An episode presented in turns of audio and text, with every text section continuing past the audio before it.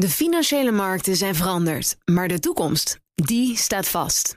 We zijn in transitie naar een klimaatneutrale economie. Dit biedt een van de grootste investeringskansen van onze generatie. Een kans voor u om mee te groeien met de klimaatoplossingen van morgen. Meer weten?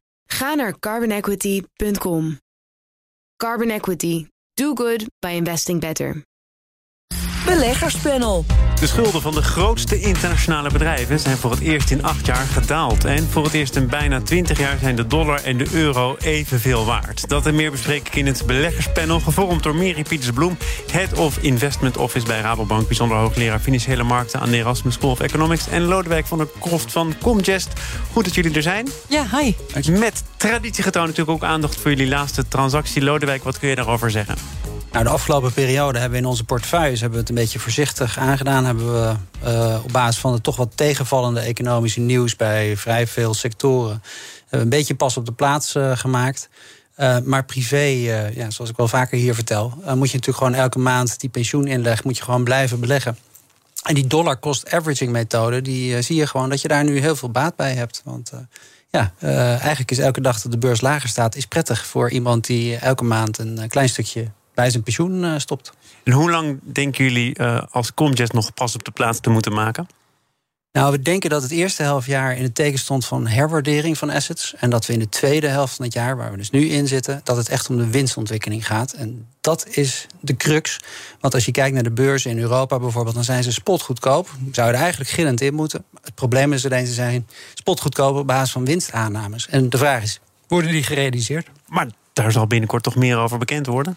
Ja, maar dan is het te laat. Dan is het alweer te laat. Mary, wat uh, is jouw laatste of jullie laatste transactie? Nou, we zijn in juni best wel actief geweest in de beheerportefeuille bij uh, de Rabobank. Uh, we hebben begin juni hebben we wat risico van tafel genomen door onze overweging aandelen wat terug te brengen.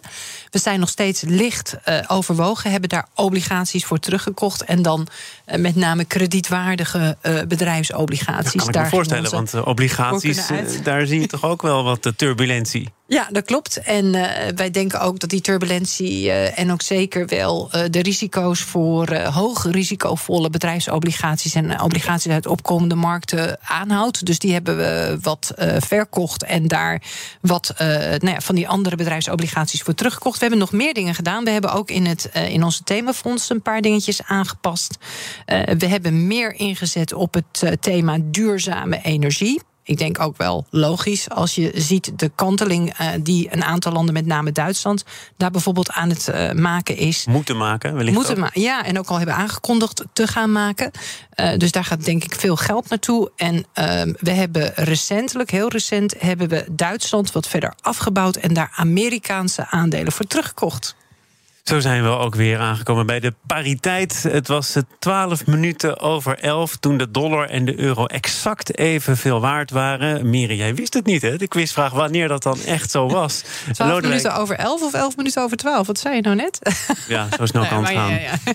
Dat zei ik misschien wel. Was jij er live getuige van, Lodewijk? Van dit bijzondere historische moment? Nee, dat niet. Maar het is natuurlijk een uh, moment wat zich al een tijdje heeft uh, aangekondigd. Dus wat dat betreft is het niet heel spannend. Maar uh, het is natuurlijk wel. We gaan het er wel heel lang over hebben. Ja, het is wel een psychisch, psychisch uh, aspect uh, zit eraan. Ja, wat, wat, wat, wat is dit nu precies? Hè? Want er wordt er meteen bijgehaald voor het eerst in twintig jaar tijd. En een, een psychologisch belangrijke barrière door het laatste steunniveau gezakt. Ja, en dan verandert de wereld dan, Lodewijk? Nou, de wereld verandert niet echt heel erg. Maar uh, voor veel bedrijven verandert er natuurlijk wel het een en ander. De concurrentiepositie van Europese bedrijven uh, zal verbeteren ten opzichte van Amerikaanse bedrijven. Maar bijvoorbeeld de ECB heeft er een probleem bij. Want alles wat wij importeren van buiten de eurozone zal duurder zijn voor Europese consumenten. En dat is natuurlijk niet echt handig als je bezig bent om de inflatie te bestrijden. En hoe groot zijn de problemen voor vakantiegangers richting Amerika? Nou, die zijn vrij groot, kan ik je vertellen uit eigen ervaring. Uh, maar dat krijg je als je lang van tevoren je vakantie Ik had beter naar uh, Japan kunnen gaan, want de Japanse yen, uh, zoals de luisteraars wellicht ook weten, heeft het juist heel erg slecht gedaan de afgelopen tijd. Dus een vakantie in Amerika is relatief duur nu. Miri, wat zijn, en ik begrijp dat dat een brede vraag is, hier nu de directe en indirecte gevolgen van? Vanuit een uh, beleggersperspectief, uh, ja, dat hangt er natuurlijk vanaf van waar je belegd bent en hoe je belegd bent. Uh, als jij alleen maar belegd bent in Europa of alleen maar bijvoorbeeld in de AX, ja, dan doet dit eigenlijk helemaal niets voor je portefeuille. Want je beleggingen zijn ge, gedenomineerd in euro's en die blijven in euro's. Dus dan heb je van dat koersverschil euro-dollar geen enkel voordeel en ook geen enkele last. Alleen indirect, net als wat Lodewijk bijvoorbeeld net al aangaf, dan hangt het ervan af of jij exportgevoelige bedrijven uh, aan bent blootgesteld. Als je echter, zoals wij, uh, net uh, ook weer wat extra Amerikaanse uh, aandelen of obligaties hebt aangezet in je portefeuille.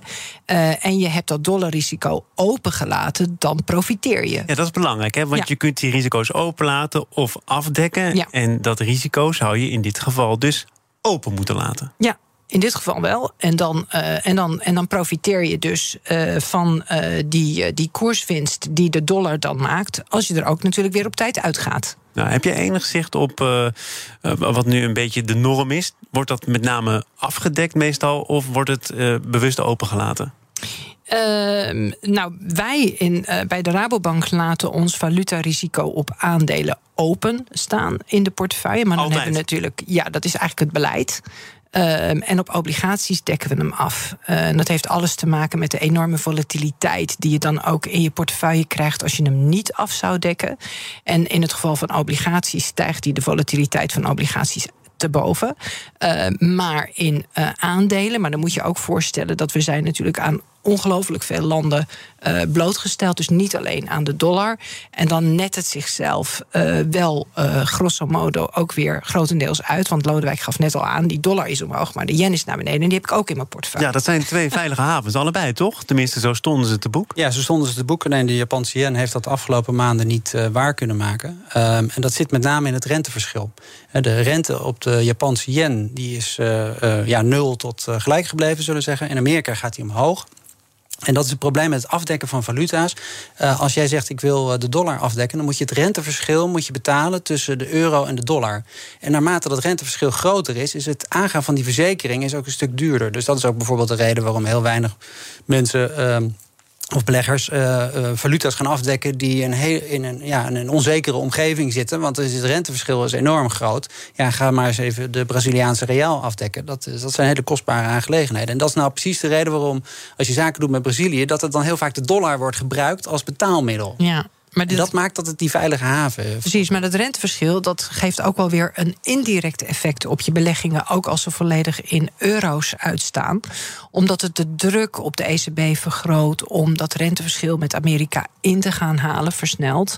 Dus het zou een extra zetje in de rug van de ECB kunnen geven. Tegen welke om, prijs? Uh, Want zo'n renteverhoging uh, leidt dan wellicht weer tot een recessie. Ja, nou, dat is de afweging die uh, de ECB dan moet maken. Hè. Dus ze kijken naar inflatie, ze kijken naar het effect op de economie van hun uh, beleid. Maar ze kijken wellicht ook uh, met een oogje naar uh, die euro-dollar-koers.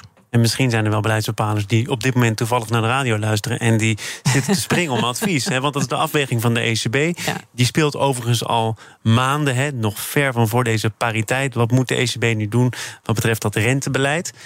Wat zou jouw vuist voor de boeg zijn? Ja, nou, het hangt, of, het hangt erop of ze een, uh, met een kwartje of met een half procentpunt uh, die rente gaan verhogen. Dat is het grote debat in, uh, nou, onder economen. Als de Fed dan zegt wij doen er 75 basispunten bij, dan wordt dat verschil niet kleiner.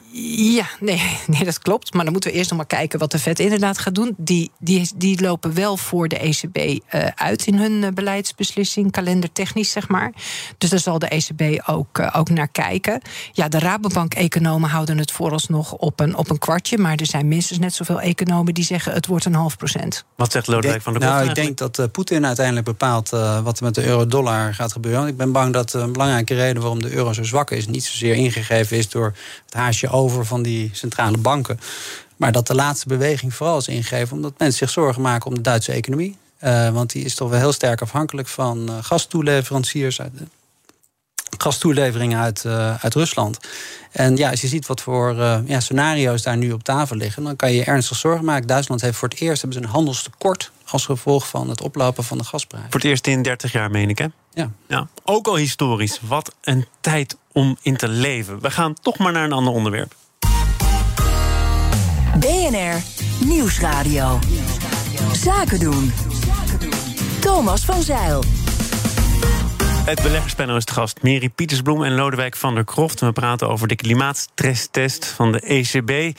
Die um, heeft een uh, zicht gegeven op de risico's die banken lopen. En met name ook duidelijk gemaakt dat de banken weinig idee hebben van de klimaatrisico's. Kijkende naar hun portefeuille. Is het uh, goed, Mary, dat dit aan het licht komt? Dat er blijkbaar nog niet een deugdelijk functionerend risicomodel is? Ik denk zeker goed uh, dat de centrale bank dit uh, aan het uh, licht brengt. Overigens zijn banken natuurlijk alleen maar een afspiegeling van wat er in de onderliggende economie bekend is. dus ja, um, en ik denk dat door dit aan de orde te stellen, die klimaatrisico's, die zijn er. Het is heel goed om die in kaart te brengen. Maar we hebben natuurlijk ook de data nodig van de bedrijven, van de overheid over wat hun, ja, wat hun footprint is, zeg maar maar op emissies en uh, al dat soort dingen. En daar schort het aan. Die banken zijn van goede wil, maar die krijgen niet de juiste informatie aangeleverd. Ja, dat klopt. En dat is best wel complex, hè? want je hebt het over twee typen risico's. Je hebt het over uh, het zogeheten transitierisico. En dat gaat erover wat is je wat is je footprint nu en wat ga je aan CO2-belasting betalen? En dat geeft een afslag op je, op je bedrijfswinsten. Of uh, voor overheden moeten daar dus meer tegen gaan lenen. En dan heb je het fysieke risico dat als, die, uh, ja, als dat klimaat verslechtert, waar staan dan je gebouwen? Waar, waar maak je je productie? Wat is je afzetmarkt? Als die dus te maken krijgen met meer tornado's en dat soort zaken. Als je kijkt naar de kritische kanttekening van de ECB, dan blijkt eruit dat 60% van de Europese banken nog geen stresstestkader hanteert voor klimaatrisico's. De meeste kredietverstrekkers hebben klimaatrisico's nog niet opgenomen in hun risicomodellen. Eén op de vijf banken beschouwt klimaatrisico's als een variabele bij het verstrekken van een lening dan is er aan bewustwording nog wel een wereld te winnen. Of Lodewijk zeg je, joh, die banken die moeten ook vooral met andere dingen bezig zijn.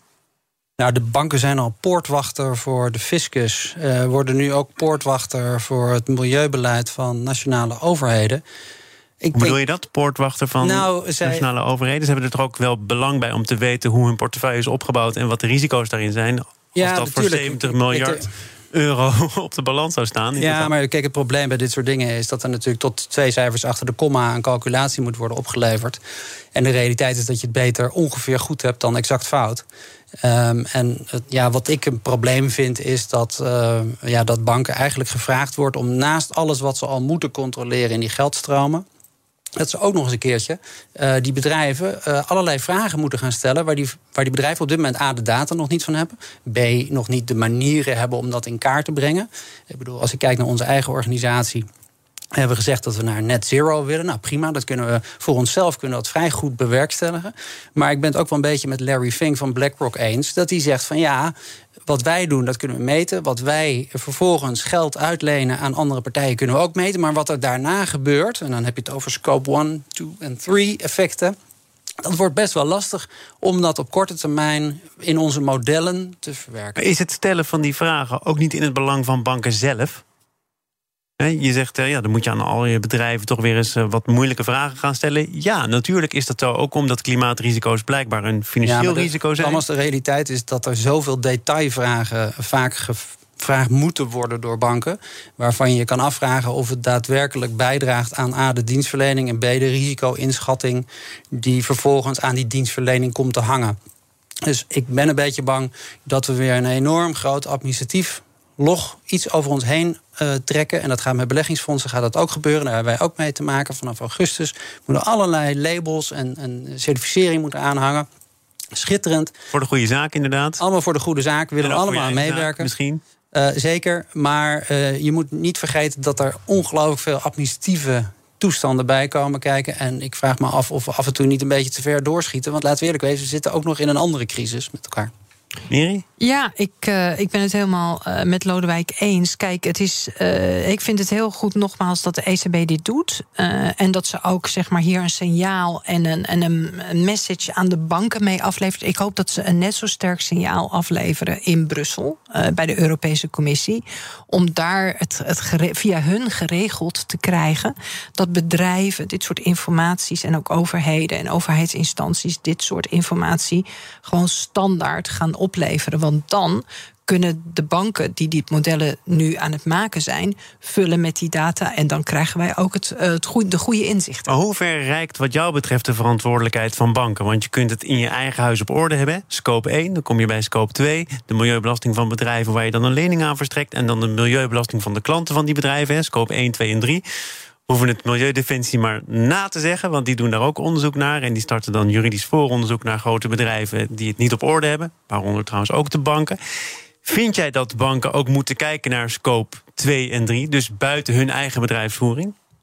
Ja, uiteindelijk wel. Maar je moet die banken natuurlijk ook helpen. Je kunt niet een opdracht neerleggen bij de banken en ze dan vervolgens niet faciliteren om dit ook gewoon goed in kaart te kunnen brengen. Uh, dus dat is eigenlijk het pleidooi. Hè? Help, help ons, help de maatschappij, help die banken om dat ook gewoon goed inzichtelijk te kunnen maken. Dan naar één ander aanpalend onderwerp, namelijk de Europese Centrale Bank. Ik dacht, we zijn toch op de groene toer. Die heeft gezegd, we gaan klimaatcriteria laten meewegen bij de opkoop van bedrijfsobligaties. Want we hebben allemaal de plicht om een bijdrage te leveren en dat weegt zwaarder dan marktneutraliteit. Lodewijk? Met een ja, ik, ik moet er enorm om lachen, want de realiteit is natuurlijk dat we juist vanwege de huidige crisis waar we in zitten, dat kernenergie, uh, uh, gas allemaal als duurzaam door de Europese Commissie natuurlijk zijn bestempeld. Ja, die taxonomie als, ja, vorige week. Als transitie. Um, en de realiteit is natuurlijk dat we gewoon ongelooflijk snel een beentje bij moeten zetten. En ja, er is misschien niet heel veel tijd voor leuke dingen op dit moment. Uh, en, en leuke dingen zijn duurzame dingen. Nou, kijk, uh, iedereen zou het liefst. Iedereen zou natuurlijk een soort luxe product weg te zetten. Nou, het probleem is natuurlijk dat we voor die uh, alternatieve energiebronnen ook afhankelijk van China weer zijn. Want er komen alle lithiumbatterijen en dergelijke weer vandaan. Dus het is allemaal niet zo makkelijk. En als je kijkt naar de huidige energiemix, dan moet er zo ongelooflijk veel nog gebeuren. En we zitten gewoon eh, in een hoek waar de klappen op dit moment vallen. En ik denk dat we ons die luxe niet kunnen permitteren, helaas. Je wordt er bijna defetistisch van, Meri. Jij niet, maar Lodewijk, eh, hoe zie jij het? ik, vind een, ik vind het een nobel streven. Uh, van de ECB. Ik denk wel dat de ECB zich gedegen moet realiseren wat ze zich hiermee op de hals haalt. Uh, in ieder geval al een hele hoop discussie, ook binnen Europa. Is bijvoorbeeld nucleaire energie groen of niet? Nou, daar staan de Fransen en de Duitsers regelrecht ja, tegenover elkaar. zijn tot een compromis gekomen. Hè? Die, die overgangsperiode, die transitie die nodig is. En zo kan iedereen toch weer leven met een waterig compromis. Ja, nou ja, en, en nog heel veel andere in het, eh, in het duurzame bereiken. Dit is er eentje van. Uh, dus daar zal zij zich dan uh, ja, een oordeel over moeten vellen, een kant voor moeten kiezen. Wat is dan groen en wat niet? Dat is al een, een, een hele klus. Uh, en de ECB zal zich ten, ten principale ook moeten afvragen: valt dit binnen het mandaat van de ECB? Gaat de ECB niet nog weer te veel in het speelveld van de economie staan met zo'n uh, met zo'n streven. En de vraag stellen is hem beantwoorden? In jouw geval wel. Uh, ik, denk, ik denk dat de ECB toch even nog twee keer achter haar oren moet krabben voordat ze hiermee uh, begint. Maar, maar dat richt op die euro-koers. We gaan tot slot, misschien toch ook wel goed nieuws voor veel beleggers, naar de schulden van de grootste internationale bedrijven. Die zijn gedaald. Voor het eerst in acht jaar tijd blijkt uit het jaarlijkse onderzoek van vermogensbeheerder Janus Henderson. Is dat opvallend te noemen, Lodewijk? we moeten wel rekening mee houden dat uh, dit onderzoek uh, onder beursgenoteerde bedrijven is. En uh, die beursgenoteerde bedrijven die, hebben het over het algemeen beter gedaan dan het gemiddelde bedrijfsleven in de winkelstraat hebben ook uh, kunnen profiteren van uh, de nou, goede jaren die er op de kapitaalmarkt zijn geweest. Hele lage rentes, veel uh, hergefinancierd. En ja, je kan dat aan de Standard Poor's 500, Amerikaanse index, kan je dat altijd goed zien. Er zit een behoorlijk goede winstmarge maken die bedrijven in Amerika gemiddeld gezien. En ja, het zou kunnen zijn dat we nu naar een periode gaan waarin arbeid weer iets meer van de taart zou moeten krijgen dan de aandeel. Maar dat kan dus ook als je minder geld kwijt bent aan het financieren van je schulden. Je hebt keurig veel winst gemaakt. Dan kan ik me wel voorstellen dat er een uh, onderbouwde roep komt om loonsverhoging. En dat zie je natuurlijk ook gebeuren. Ja, je ziet het in Amerika uh, heel, heel sterk gebeuren. Daar is de werkloosheid op een gegeven moment heel hard opgelopen na de corona, in de coronacrisis. En bevindt zich nu weer op het niveau van voor die coronacrisis. Ze hebben echt een enorm probleem hebben ze daar. Miri, pak nog even de laatste cijfers erbij. Fronsende blik. Ja. ik Dan kom je tot heel andere conclusies. nou, ik, ik moest uh, uh, even heel groot vergrootglas zetten... op hoe groot die daling dan wel niet is oh, geweest. Nou, en? Grootglas Nou, van, opgezet. eh, ik, ik, ja, als je naar die grafiek kijkt eh, die in het FD staat bij dit artikel, dan, eh, dan zie je ook dat het iets van 8300 eh, miljard dollar naar 8100 miljard dollar. Dan denk ik van, van waar die hele grote eh kop-update op dit krantenartikel. Omdat het is eerst in maar- acht jaar tijd was, wellicht. Eh, ja, wellicht. Maar als je, als je tegelijkertijd kijkt dat bijvoorbeeld in 2015 het schuldniveau nog 6000 miljard dollar was, dan is er toch maar heel weinig van afgegaan. Ehm, en ik begrijp het ook. Hè. Men, men heeft natuurlijk enorme grote provisies eh, en buffers, cashbuffers opgebouwd. Eh, en, en willen lenen om die coronacrisis door te komen. Nu zijn, we, eh, nou, nu zijn we door de coronacrisis heen. Dus dan kun je ook weer eh, daar wat van, van, van afbouwen van die schuld. En tegelijkertijd doen de winsten van bedrijven het nog steeds goed. En dat, dat vind ik zelf een interessantere eh, boodschap dan eh, deze schuldenberg aan zich. Goed dat je die boodschap nog net even over het voetlicht hebt kunnen brengen in dit panel. Mary Pietersbloem, Head of Investment Office bij Rabobank, bijzonder hoogleraar financiële markten aan de Erasmus School of Economics. En Lodewijk van der Kroft, partner bij beleggingsonderneming Comgest. Dank voor jullie bijdrage. Een beleggerspanel wordt mede mogelijk gemaakt door Annexum, de aanbieder van vastgoedfondsen voor particulieren. Zometeen hoor je alles over investeren in wijn. De financiële markten zijn veranderd, maar de toekomst, die staat vast. We zijn in transitie naar een klimaatneutrale economie. Dit biedt een van de grootste investeringskansen van onze generatie. Een kans voor u om mee te groeien met de klimaatoplossingen van morgen. Meer weten? Ga naar carbonequity.com. Carbon Equity. Do good by investing better.